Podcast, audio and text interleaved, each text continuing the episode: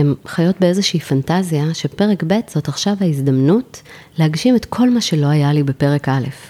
ובעצם אני אומרת, יש פה הזדמנות מן הפח אל הפחת. כי הן נהיות בעצם בנות 16, גם ב, ב, באורח החיים ובאיך הן יוצאות ואיך הן מכירות והכול, אבל הרבה הן פשוט מפספסות נורות אדומות אחת על גבי השנייה. ברוכים הבאים לבית הספר לקרמה טובה. אני עורכת הדין רות דהן וולפנר ואני אדבר איתכם על זוגיות, על גירושים וכמובן על קרמה שהיא בעצם תוצאה. שלום וברוכים הבאים לעוד פרק בפודקאסט בית הספר לקרמה טובה. והיום יש לי אורחת שקוראים לה אסתה ברודצקי קאופמן, והיא מומחית, לדעתי, מספר אחת בארץ, לדייטינג ויצירת זוגיות. היי אסתה. שלום, שלום. מה העניינים? כיף לראות אותך. ואנחנו נדבר על כל הדברים שנראה לי ממש ממש ממש יעניינו אתכם, ובטח גם נחדש דברים, אז בואי נתחיל. יאללה. אז קודם תספרי לי, בואי נתחיל מבראשית, איך בוחרים בן זוג? וואו, זה בעצם הדבר הכי הכי חשוב שבן אדם יכול לעשות בשבילו. אני מניחה שהרוב נשים, אז אני אדבר מנקודת המבט של אישה, אבל... אה, יש גם הרבה גברים שמקשיבים לפודקאסט. אה, אוקיי, אז אני כן. אזגזג בנקודות המבט, כי אוקיי. בקליניקה יש גם גברים וגם נשים, אז אה, אני פונה לכל קהלי היעד, ללא הבדל. אז בעצם מה שהכי חשוב בעיניי זה, זה האמרה, שאני לא זוכרת איך אומרים אותה בלטינית, אבל היא אמרה של אפלטון שאומרת, דע את עצמך.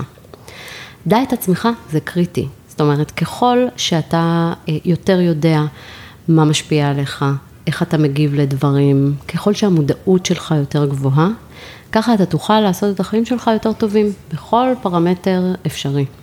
ומה זה אומר? זה אומר שבניגוד לדעה הרווחת אין אחד, אין גבר אחד או אין אישה אחת שעושה לך את זה.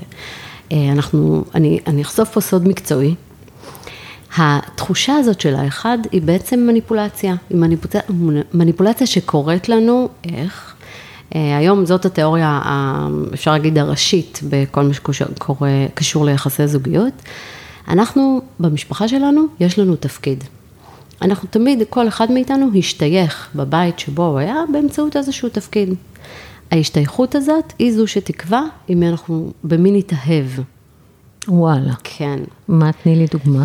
למשל, בעצם את בטח מכירה את זה שאנשים אומרים, אה, וואו, כשהכרתי אותו, הרגשתי שחזרתי הביתה, uh-huh. או שהגעתי הביתה.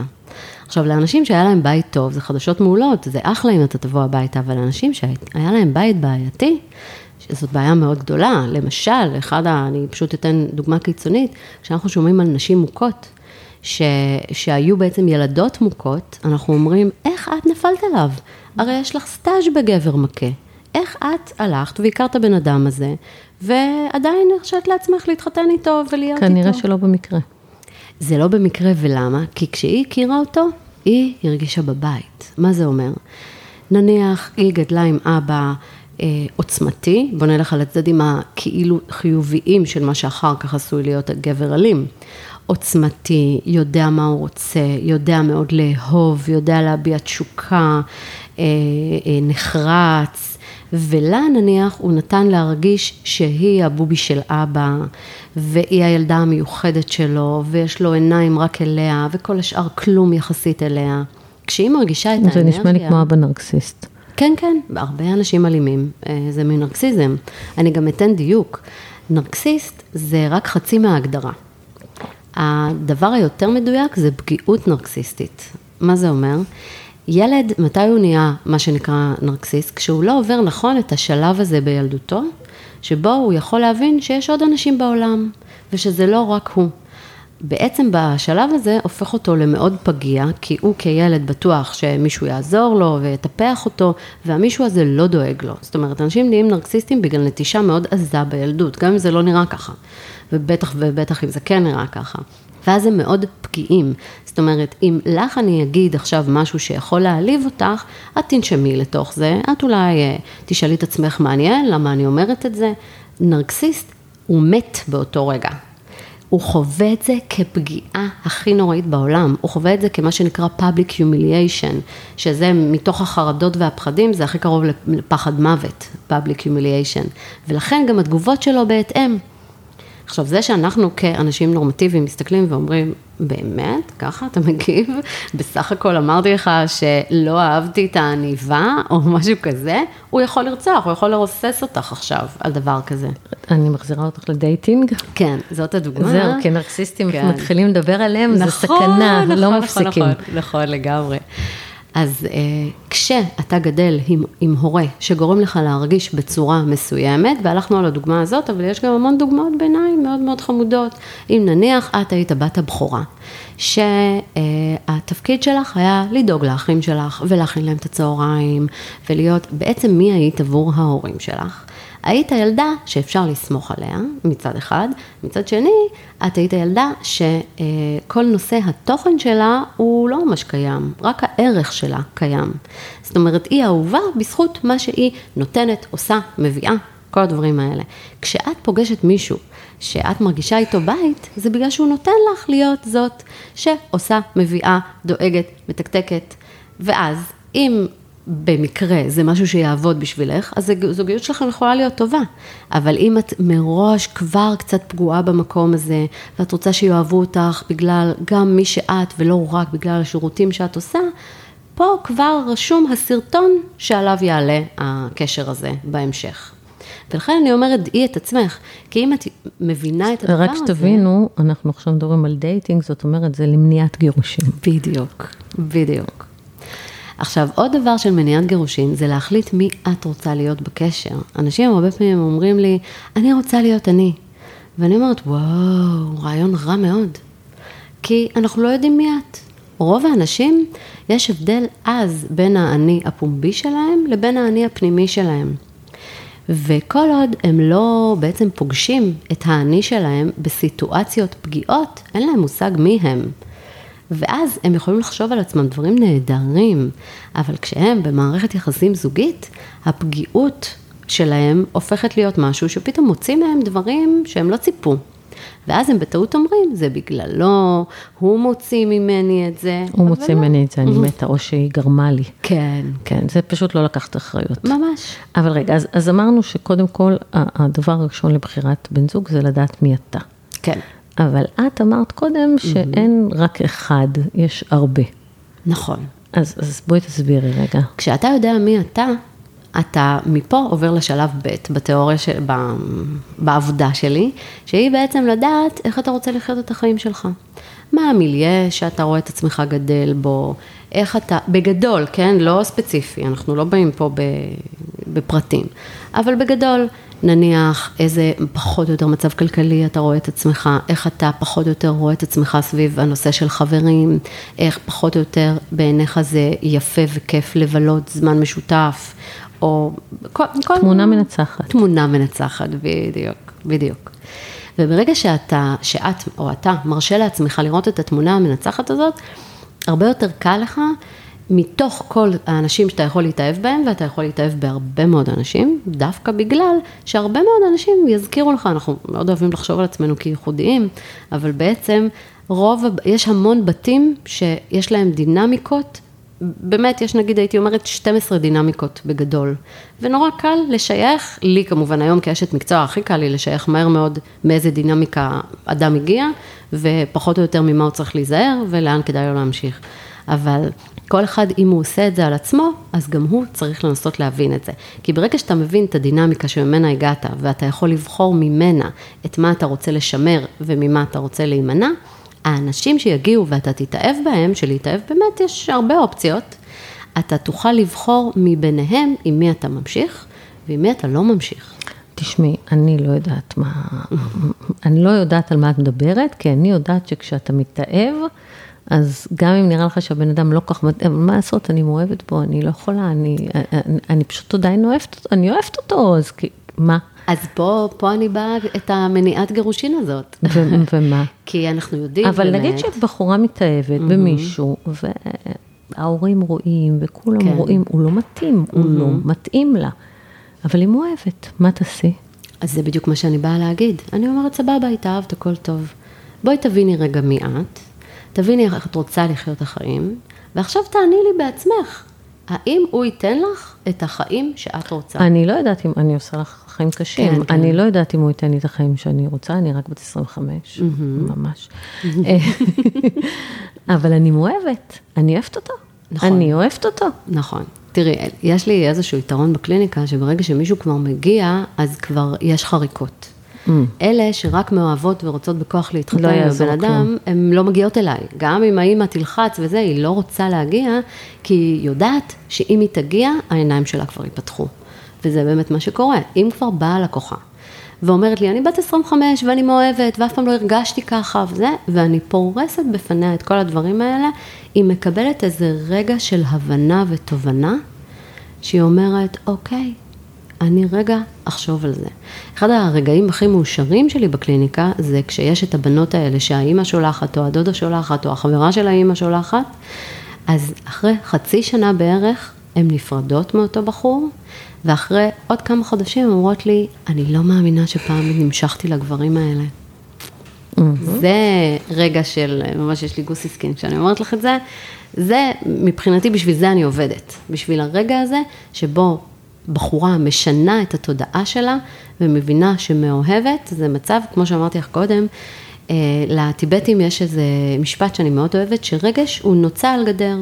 מגיעה הרוח מימין, הנוצה עוברת שמאלה, מגיעה הרוח משמאל, הנוצה עוברת ימינה. אין לזה משמעות לרגש. הרגש, אה, אפשר לתקף אותו כשהוא בא במידתיות, שאגב מידתיות ומינונים, זה אפשר להגיד אה, מילות המפתח בעבודה שלי, כשהוא בא במידתיות עם כל שאר תחומי החיים. רגש לבד, גם כל המחקרים תומכים בזה, מעולם לא הצליח לייצר שום תוצאה. זאת אומרת, אה, השיטה של החרדים, של אנחנו נבדוק את כל הפרמטרים, וההורים יחליטו כי הם יודעים הכי טוב, הם בוגרים ויש להם ניסיון והם בדקו, אומרת שהיא לא רעה כל כך. היא לא רעה, וזה לא רק שאני אומרת, המחקרים מוכיחים את זה, זאת אומרת... אה, לי זה נראה נורא.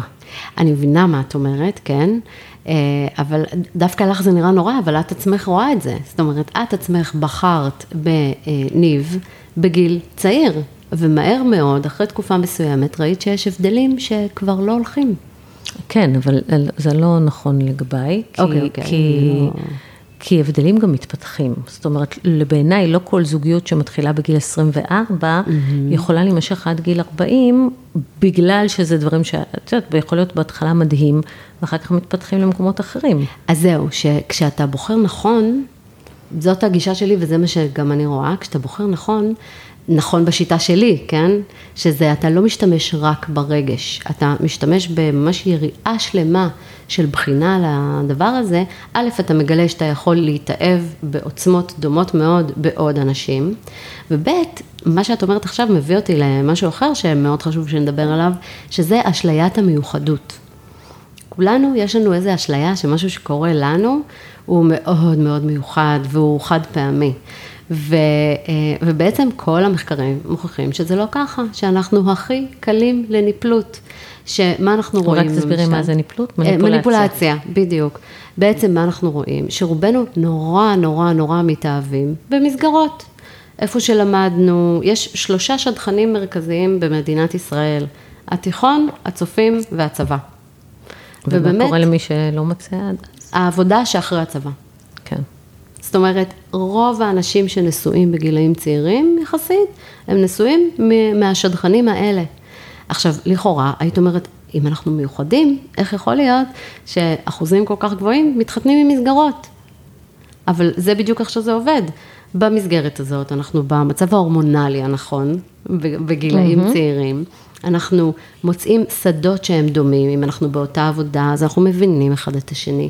יש לנו את אותם דברים, יש לנו את אותם אנשים לרחל עליהם, יש לנו את אותם חברים מהעבודה, וככה אנחנו מאמינים שאנחנו מאוהבים, כשבעצם יש עוד הרבה מועמדים שיכלו אה, לקבל את אותה פוזיציה.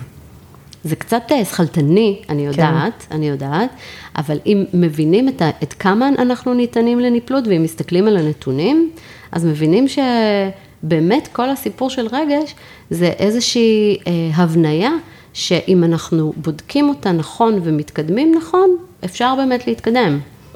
עכשיו, אני לא מצפה שנהיה נשואים 70 שנה, כן? זאת כבר הגזמה. אנחנו אמורים, פחות או יותר, מבחינה ביולוגית, סביב ה-25 לייצר את הזוגיות הראשונה, שאם היא טובה ועובדת, היא באמת תסחוב אותנו עד... מבחינתי, אם בן אדם מתגרש בגיל 60, עדיין הכל היה בסדר. אבל okay. בואי, אוקיי? מבחינה אבולוציונית, mm-hmm. אתה בגיל 25 כבר בשיא פריחתך עם ארבעה ילדים, ובגיל 40 אתה מת. לא, אבולוציונית מדברים... אתה בגיל 20 מת. לא, אתה בסדר. אתה כבר בגיל 13 עם ארבעה ילדים. מתי שהומצא, נכון, אבל כן, כשהומצא כן. מוסד הנישואין, mm-hmm. אז הוא היה בגיל הרבה הרבה יותר צעיר, ולא החזיקו מעמד לאורך שנים. נכון. בדיוק. היום ולכן... הדרישה להחזיק מעמד עם אותו בן אדם שבחרת במשך עשרות שנים, בעיניי זה, זה בעיקר ליחידי סגולה, כי גם אני חייבת להגיד שהבן אדם שאני הייתי בגיל 22, עשה בחירות שהבן אדם שאני הייתי בגיל 45, הוא לא אותו בן אדם. נכון. הוא עושה בחירות אחרות. נכון. זה, זה כאילו בכלל, זה בן אדם אחר לגמרי, ולא לא בכוונה רעה, פשוט אנשים עוברים תהליכים. לגמרי. ככל שיש יותר דמיון ויותר התאמה בין בני הזוג, אז התהליכים שהם עוברים, הם גם מובילים אותם בנתיבים די דומים. אבל כן צריך לזכור שיש גם מאפיינים אישיותיים. כן. ושיש אנשים יותר אינדיבידואליים ופחות אינדיבידואליים, ושאם יש שני אינדיבידואלים במערכת יחסים זה קצת יותר קשה מאשר אם יש אינדיבידואל ותומך, ואז כנראה שזה כן יימשך יותר. אבל באמת כל הסיפור הזה של אה, בחירה, הוא בעיקר, הוא לא מונע גירושין בעיניי, זה לא ההגדרה הנכונה, הוא מונע גירושין רעים. זה הסיפור. כי כמו שאת אומרת, כל אחד עשוי להתפתח אחרת, ולבחור, לרצות, אמ, דברים אנחנו, קורים. כן, דברים קורים, זה סופר לגיטימי, אבל אנחנו רוצים למנוע את החלק המכוער והרע בתוך הסיטואציה הזאת. ואם אתה כמו שאת בטח משתמשת הרבה, צריך גם לדעת ממי להתגרש. בדיוק, צריך לדעת עם מי להתחתן, וצריך יותר לדעת עם מי להתגרש. ממש, ממש. תגידי שנייה, אה, זה דרך אגב, אני רוצה לומר משהו בעניין הזה, כאילו אני טיפה סוטה לדעת ממי להתגרש, שיוצאים בפרק ב', תמיד אני אומרת, תסתכלו גם איך שהם התגרשו. מאוד נכון, מאוד. תבדקו.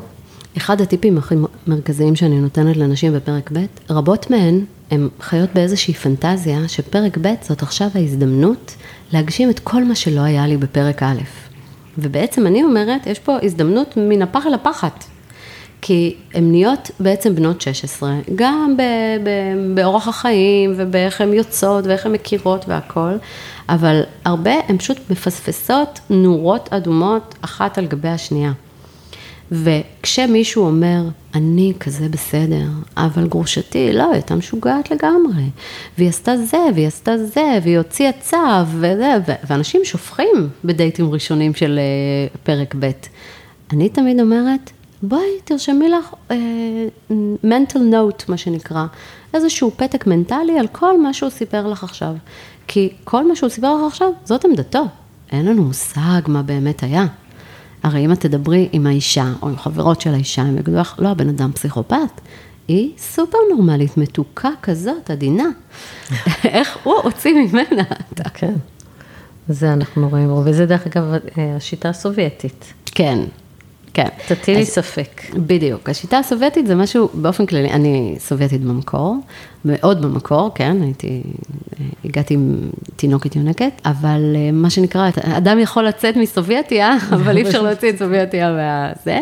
אני עוד זכיתי באימא מאוד אה, מפותחת ומאוד אה, מתעדכנת, מאוד לא, לא הקלאסיקה של החינוך הסובייטי, בכל מיני מובנים, אבל... הסיפור הזה של מה שאומרים לך, יכול להיות שזה נכון, ובאותה מידה יכול להיות שזה לא נכון. לא כל מה שאומרים לך זה באמת קרה. תסבירי רגע ממה זה נובע. אני מניחה שזה קרה מזה שבשלטון הסובייטי של אותה תקופה, של שנות ה-70, כן. בקומוניזם, אז uh, העיתון המרכזי, קראו לו פראבדה, שזה בעצם אמת, וכולם ידעו שזה רק שקר. שכל כתבה שאתה קורא, הכל הוא שקר. אז תמיד היו את נאמני השלטון, אבל כנראה שאנשים שהיו סירובניקים, כמו ההורים שלי, הם אנשים ש... שהצליחו לעלות לארץ על, על רקע זה שהם היו מסורבי עלייה.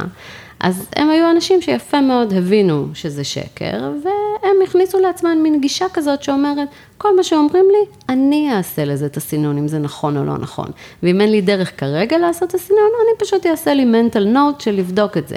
אבל אני בטח לא בולע חומר שמעבירים לי, זה יכול להיות נכון וזה יכול להיות לא נכון. כן. מטילים ספק, מטילים בקיצור. ספק. זה לא רע, זה לא רע להטיל ספק. כן. ויש לי באמת שיטה שאני מאוד מאוד ממליצה, זה מין אה, סוד מקצועי כזה, אני ממליצה ללקוחות שלי להשתמש במשהו שאני קוראת לו שיטת הכוכביות.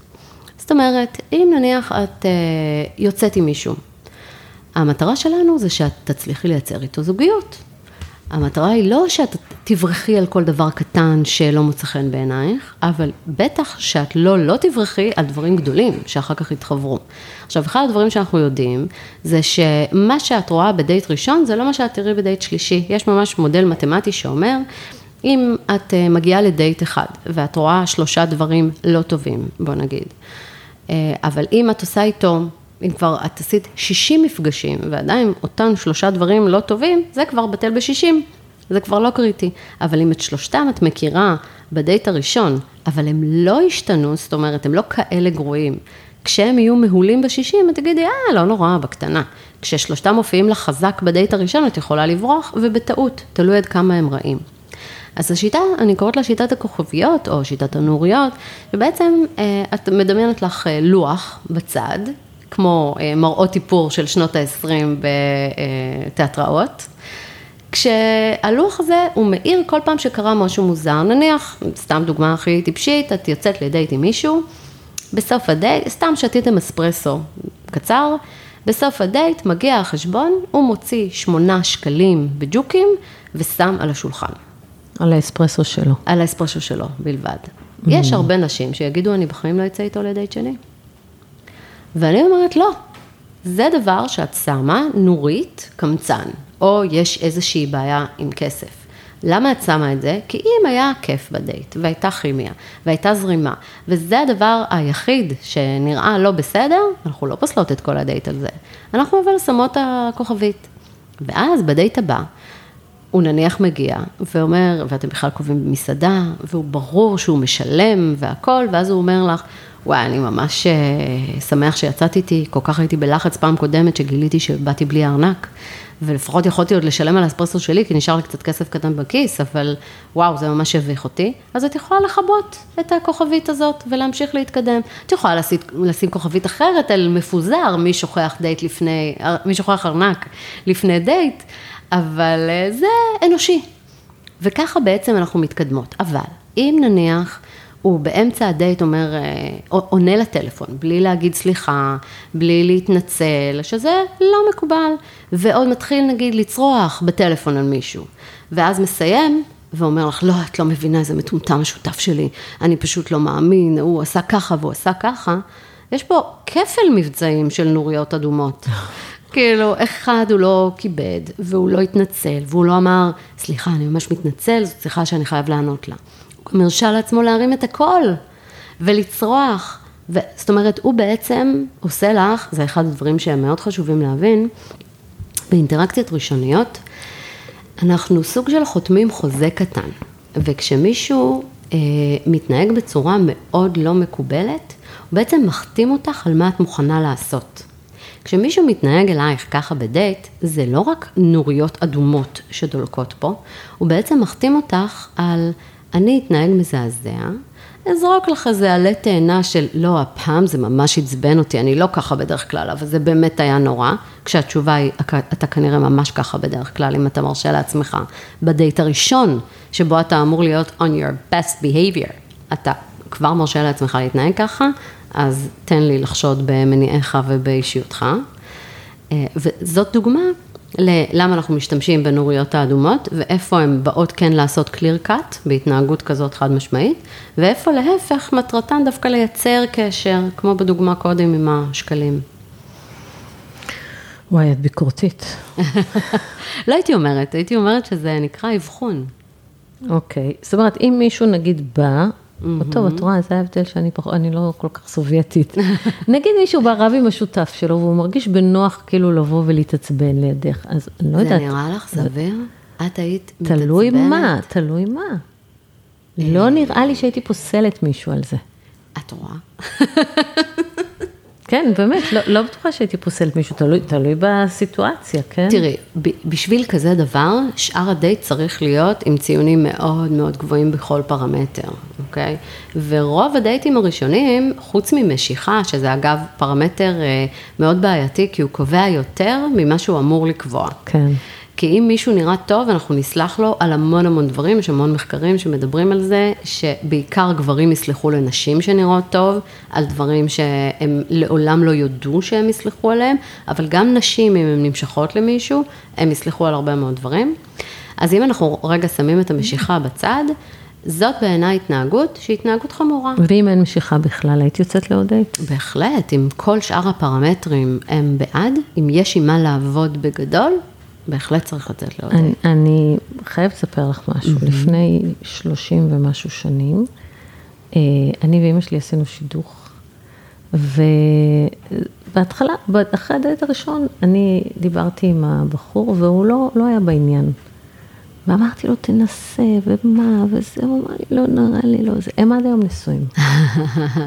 אני מבינה? זאת אומרת, כן. זה באמת היה דייט ראשון לא כל כך מוצלח, ו- כן. וזרם מטורף אחר כך. ואיך זה בכל זאת קרה? כי אחד הדברים הוא... הכי קשים זה לשכנע גבר לצאת עם בחורה מחדש. לא יודעת, לא יודעת, הוא הסכים, הוא יצא איתה לעוד דייט, וזה נפתח. אני מאוד בעד זה, כי בדייטים ראשונים אנחנו מביאים איתנו כל כך הרבה פחדים.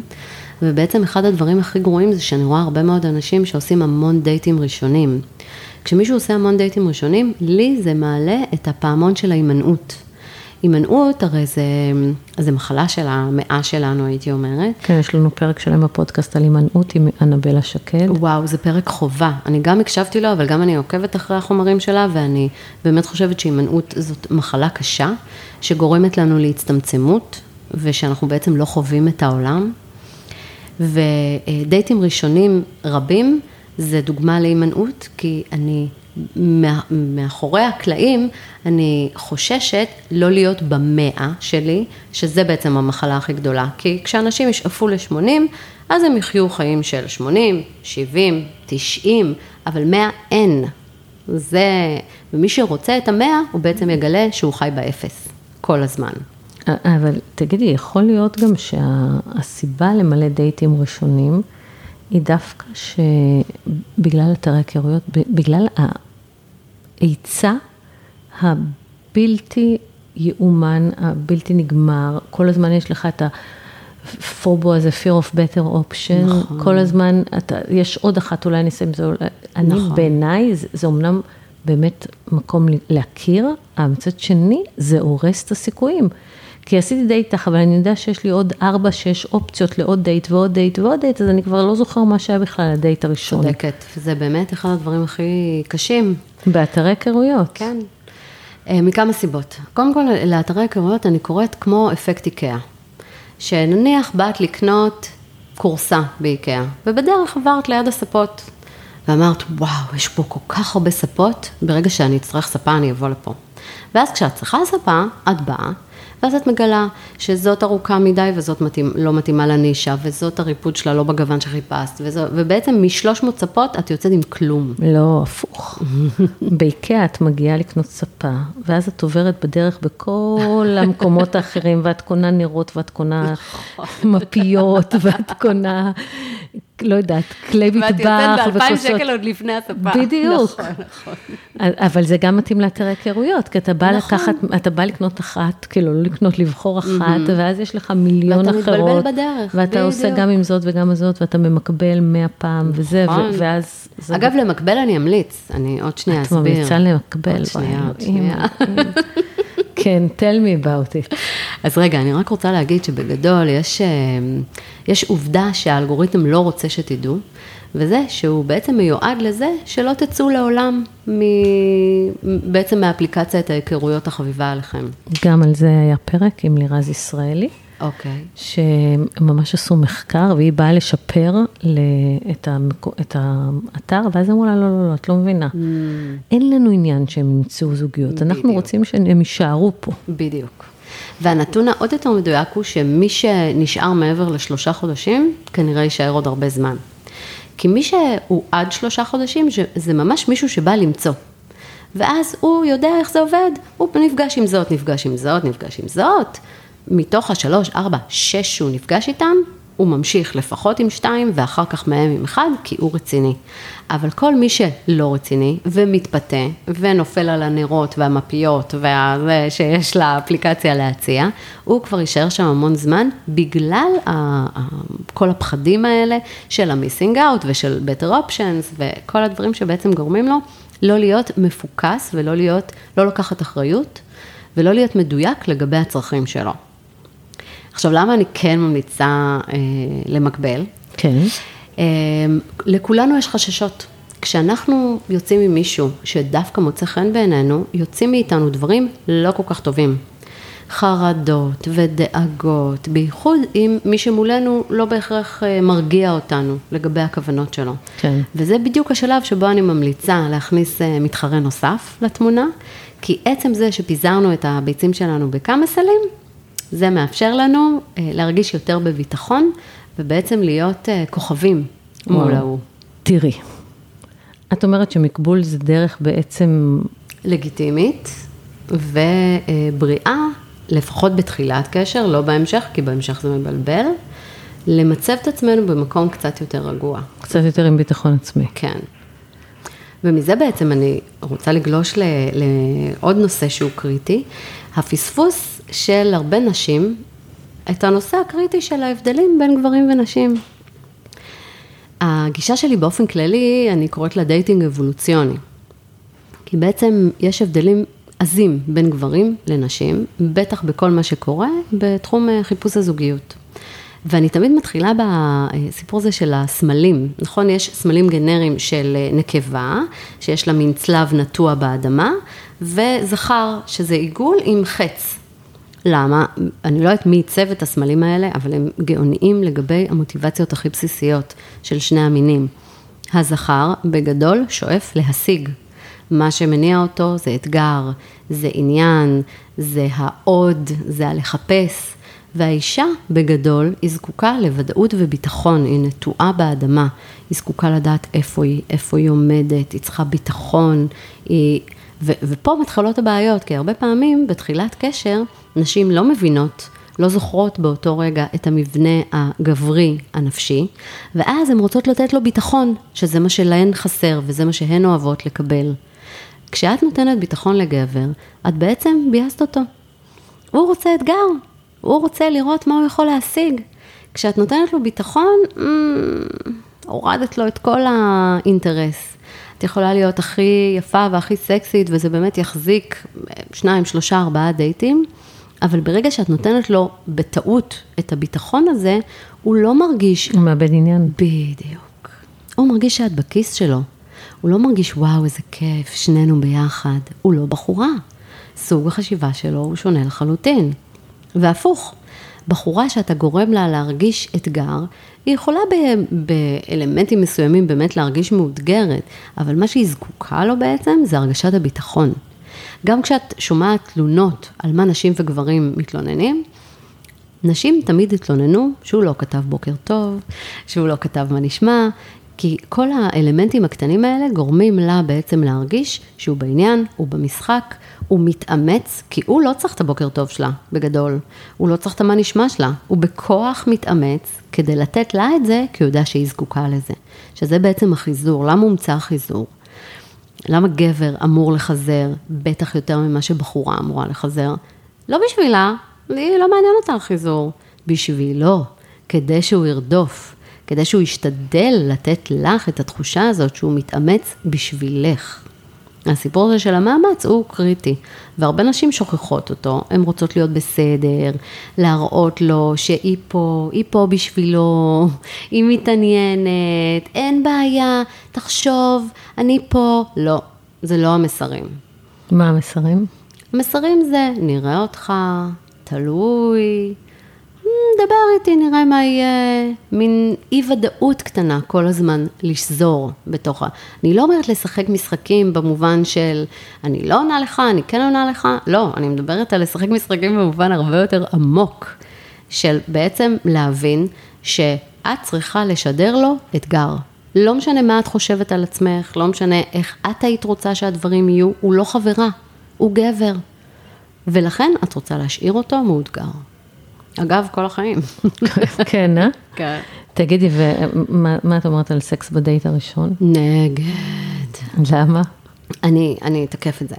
יש אה, חמישה אחוז מהאוכלוסייה, או יותר נכון חמש, כי זה רק בנות, שיכולות לעשות סקס בדייט הראשון, אוקיי? זאת אומרת, על כל מאה בנות, רק חמש יכולות להרשות לעצמן, כי הן יודעות לעשות סקס כמו גבר. זאת אומרת, הן אומרות, אני פה, אתה פה, יאללה נעשה סקס. רק להן מותר.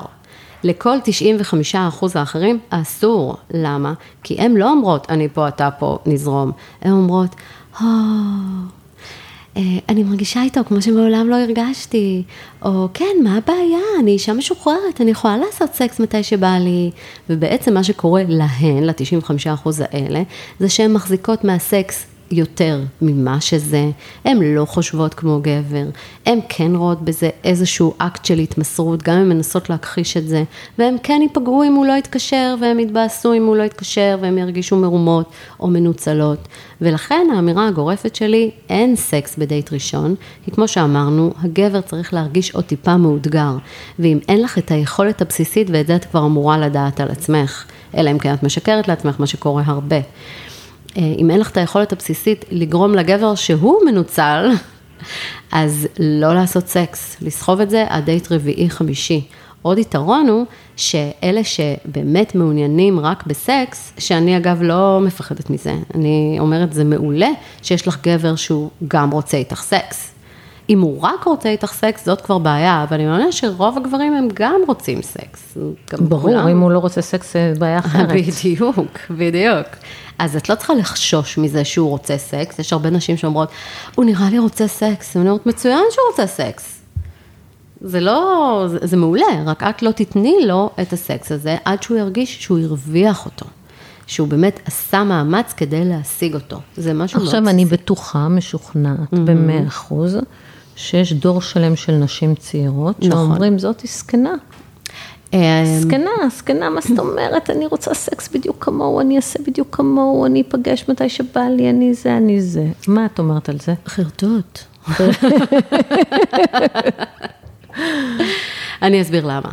קודם כל, אני, כמו שאני אומרת, dating אבולוציוני, לא כל כך הרבה דברים השתנו במבנה הפנימי, הנשי והגברי. זה שהיום אנחנו יכולות לעשות סקס, כי יש לנו את הגלולה, ויש לנו את ההתקן, ויש לנו הכל. לא, אנחנו... כי אני רואה את עצמי, לא אני. כן, כן. אבל אני, אני מדברת על בחורות צעירות, mm-hmm. בנות הדור שעברנו אותו, mm-hmm. שמבחינתם הם וגברים זה אותו דבר. היא לא מוצאת בו עניין, היא באה לה לעשות סקס, היא תעשה סקס, היא צריכה שהוא יעניין אותה. היא, היא ממש... אה, כל זה הוא, הוא נכון, יש בהחלט עלייה בדור המילניאלי בדבר הזה, אבל על חשבון מה זה בא? על חשבון היכולת להיות במערכות יחסים. נכון. ואנחנו רואים את זה. מה זה, מה זה הדבר הזה שאגב מערכות יחסים... אה, זה מיני, אה, כאילו, את ממליצה לעשות mini relationship? כן. אני מאוד ממליצה לאנשים שהם מוצאים את עצמם במעגל ה dating והלפסול והלא באמת להתקרב, לעשות משהו שאני קוראת לו mini relationship. להיכנס לקשר, שזה לא עם מישהו שאתה בוודאות רואה את עתידך איתו, משהו כזה, שזה באופן כללי בעיניי אה, חשיבה מכשילה, אלא עם מישהו שפשוט אה, אין כזה על מה לפסול אותו. ברגע שאנחנו מתקדמים בקשר כזה, אנחנו מגלים עולם ומלואו. זאת אחת הסיבות, נגיד, שאנשים שואלים את עצמם, למה אחרי חתונמי, אנשים, אנשים שלא מצאו זוגיות שנים, פתאום נמצאים בזוגיות ומצליחים uh, להתקדם איתה. והתשובה היא, זה בגלל שהם עשו מיני ריליישנשיפ. ה mini relationship מגלה לך איך באמת אנשים מתנהלים, איך אתה מתקרב, מי אתה במערכת יחסים. כי יש לך דעות מאוד שונות על עצמך, על איך אתה במערכת יחסים, כשאתה לא במערכת יחסים. ואין לך דרך לבדוק את זה אם אתה רק עושה דייט אחד, שניים, שלושה, ארבעה. רק כשתיכנס לקשר, אתה תוכל לבדוק את זה. ואתה, הרבה פעמים אתה לא נכנס לקשר בגלל טראומה של קשר קודם, אז אתה חייב קשר חדש, שירענן לך את הנוירונים וירענן לך את הצ'קרות. יעשה לך reset. בדיוק. mini relationship זה reset. אוקיי. Okay. ומה את אומרת לגבי, אה, ספציפית לגבי dating בפרק ב'? dating בפרק ב' הוא, הוא בעייתי בהרבה מובנים, אבל אנחנו כמובן רוצים למצוא אהבה. אז אה, כן צריך לזכור, או יותר נכון להבין, מה את רוצה בפרק ב' הזה. יש הרבה נשים, יש הרבה אנשים האמת, שכשהם מסיימים את הפרק הקודם, הם מאוד רוצים לראות את עצמם כצד שהוא סופר בסדר, ומי שהיה מולם הוא היה הסיבה, וישר לתקן. זאת אומרת, הם ישר רוצים להיכנס למערכת יחסים מאוד דומה כמו קודם, להתחתן, לעבור לגור, ואני אומרת, היי, hey, hold your horses, למה? הרי בעצם, אם עשינו פרק א' עם כל הילדים, אז כל מערכת הילודה ומערכת הבאת הילדים כבר נעשתה. כן. בואו נשנה את התפיסה. את לא שוב צריכה אה, להניק, להוציא מהגנים, אה, להקדיש את עצמך, אה, לקרוא את עצמך, לא, לא, לא, זה אחרת לגמרי. תעצרי רגע, תשאלי, מה את באמת מצפה ממערכת היחסים הקרובה? לא חייבים לעבור לגור יחד, לא, חי... לא חייבים כלום. זאת אומרת, בן אדם שלא עוצר רגע ועושה רישאפל ושואל את עצמו, מי אמר שאני חייב לשחזר בדיוק את מה שהיה לי? בואי נסתכל רגע ונראה מה עכשיו יותר נכון. להפך, כשאתה משחזר את מה שהיה לך, הסיכוי שתתגרש, בדיוק, בגלל זה אחוז הגירושים בפרק ב' הוא 70 אחוז. נכון מאוד. כי אם לא עשית איזשהו תיקון של מה שהיה קודם, בדיוק. וניסית לשחזר את זה, אז רוב הסיכויים... ורבים נופלים בזה, זה כן. ממש מדהים, אני זוכרת את אחת הפעמים שממש ראיתי את זה מול העיניים, מישהו שעשה את כל הטעויות האפשריות עם בת זוגו, שבאיזשהו שלב, כמה שהיא אהבה אותו וכמה שהיא הייתה מכילה, עד, הגיע לה, זהו. ואז הוא בחר מישהי בדיוק כמוה, והתחיל להתנהג אליה בדיוק אותו דבר. טוב, זה בן אדם חסר מודעות. חסר מודעות, ואומנם עבדנו שם, וזה, והצלחתי לשפר את הקשר הזה, כי באמת אה, עשינו הרבה פרמטרים מסוימים של מודעות, אבל אפילו שהוא כבר הבין איפה הוא חטא, ואיפה הוא רוצה לתקן, וזה, את האלמנט הרגשי של אני חייב שוב להיכנס לאותה מסגרת, ממש היה לו קשה אה, לשחרר, והוא בנה מערכת יחסים כבר הרבה יותר טובה, כי הוא היה יותר מודע, אבל מאוד דומה לפרק א'. אוקיי, עכשיו תגידי, מי שהתייאש מאתרי היכרויות, או. מה, מה, מה הוא יכול לעשות? כי אני לא יודעת, נגיד, נגיד בן אדם כבר לא, אין לו מקום עבודה, ש... נגיד עובד במשרד רק של נשים. כן. אמ, ואתרי היכרויות כבר בא להקיא, וזה אותם פרצופים, ונמאס נכון. מזה, וכולם ממקבלים וזה, ורוצים להכיר בדרך אחרת. מה אפשר לעשות? אז אני ממליצה ממש לחשוב שנות ה-90, לחשוב ב nineties. כאילו אין אתרי היכרויות. מה היינו עושים ב nineties? היינו קודם כל משפעלים את כל מערך האנשים שאנחנו מכירים. לא היינו בוחלים בשום צורה. אני יכולה להגיד לך שאחד הדייטים הכי טובים היה הבן דוד של המנקה שלי, כשעבדתי, כשהייתי בת 25 ועבדתי ב-ICP, שבאתי אליה ואמרתי לה, אולגה, איך יכול להיות שאנחנו כבר מכירות שנתיים ועוד לא הכרת לי אף אחד? כי זה היה המשפט שלי. איזה לילת. זה היה המשפט שלי שהחלטתי שאני אומרת לכל מי שאני מכירה, מי שזה לא יהיה, אני אומרת, איך אנחנו מכירים שנה ועוד לא הכרת לי אף אחד? איך אנחנו מכירים עשור ועוד לא הכרת לי אף אחד? קודם כל גיליתי שאנשים חששו להכיר לי. הם חשבו שהולך לי טוב גם ככה, נכון, הלך לי טוב, אבל בזכות מי? בזכות מי שהכירו לי. אנשים עבדו אצלי, ואני ממש ממליצה לכל מי שמרגיש לבד, לנצל את המשאב הזה, כי אנשים רוצים לשדך. אנשים רוצים לעזור, הם רוצים להיות הבן אדם ההירואי שבזכותו הקשר הזה קיים. אז יאללה, תנו להם את מה שהם רוצים. זה דבר אחד. דבר שני, לא לעצום עיניים. אתה נכנס לחנות, הרי סטטיסטית יש שם עוד uh, רווקים או גרושים. אתה נכנס לסופר, יש שם עוד רווקים או גרושים, שלא לדבר על חדרי כושר, או מקומות שבאמת כנראה אתה תפגוש בהם. Uh, עוד דבר זה לעשות יותר ויותר פעילויות שבהן אפשר לפגוש אנשים. אם זה קבוצות ריצה, אם זה אפילו uh, כל מיני פעילויות.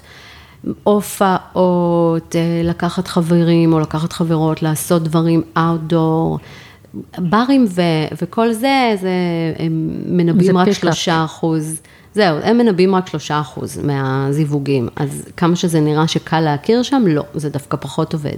אבל דווקא בכל המישורים הסמי-חברתיים, זה המקום שבו אנחנו נכיר, אבל בשביל זה צריך לשפר אה, יכולות אה, בין אישיות. כן. או למצוא את מי שיעבוד בשבילך ולא להתבייש. אנשים הרבה פעמים לא נעים להם, מה, את מי אני אגיד שיכירו לי? זה, לא. תבקשו מאנשים על ימין ועל שמאל, אל תרגישו מובכים, אנשים רוצים להכיר לכם, זה טוב, רק מה, אתם צריכים גם לדעת איך להתנהג כשמכירים לכם. זאת אומרת, כשרוצים להכיר, אתם לא עושים עכשיו תשאול של השב"כ. רגע, ומה הוא עושה? וכמה הילדים שלו? אה, אז ממה הוא חי? אה, לא, ממש לא. רוצים להכיר לכם? מצידי שההתאמה תהיה על בסיס דופק. רוצים להכיר לכם? אתם אומרים כן. וגם אם הייתה זוועת עולם השידוך, אתם אומרים, וואו, תודה רבה, אה, לא עבד, אבל אני אשמח שתמשיך להכיר לי.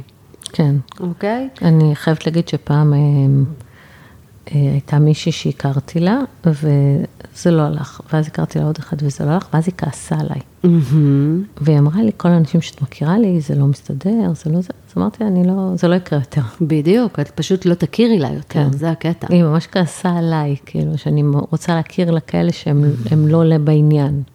ואת הרי ברור שהכרת לה מישהו, כי בתוכך חשבת, זה בחור חמוד, היא בחורה חמודה, יאללה, עשו לשלום. לא, כי גם לא, לא יותר מדי... אני גם נגד להקדיש לזה, סליחה, זה לא עבודה שלך להקדיש לזה משאבים.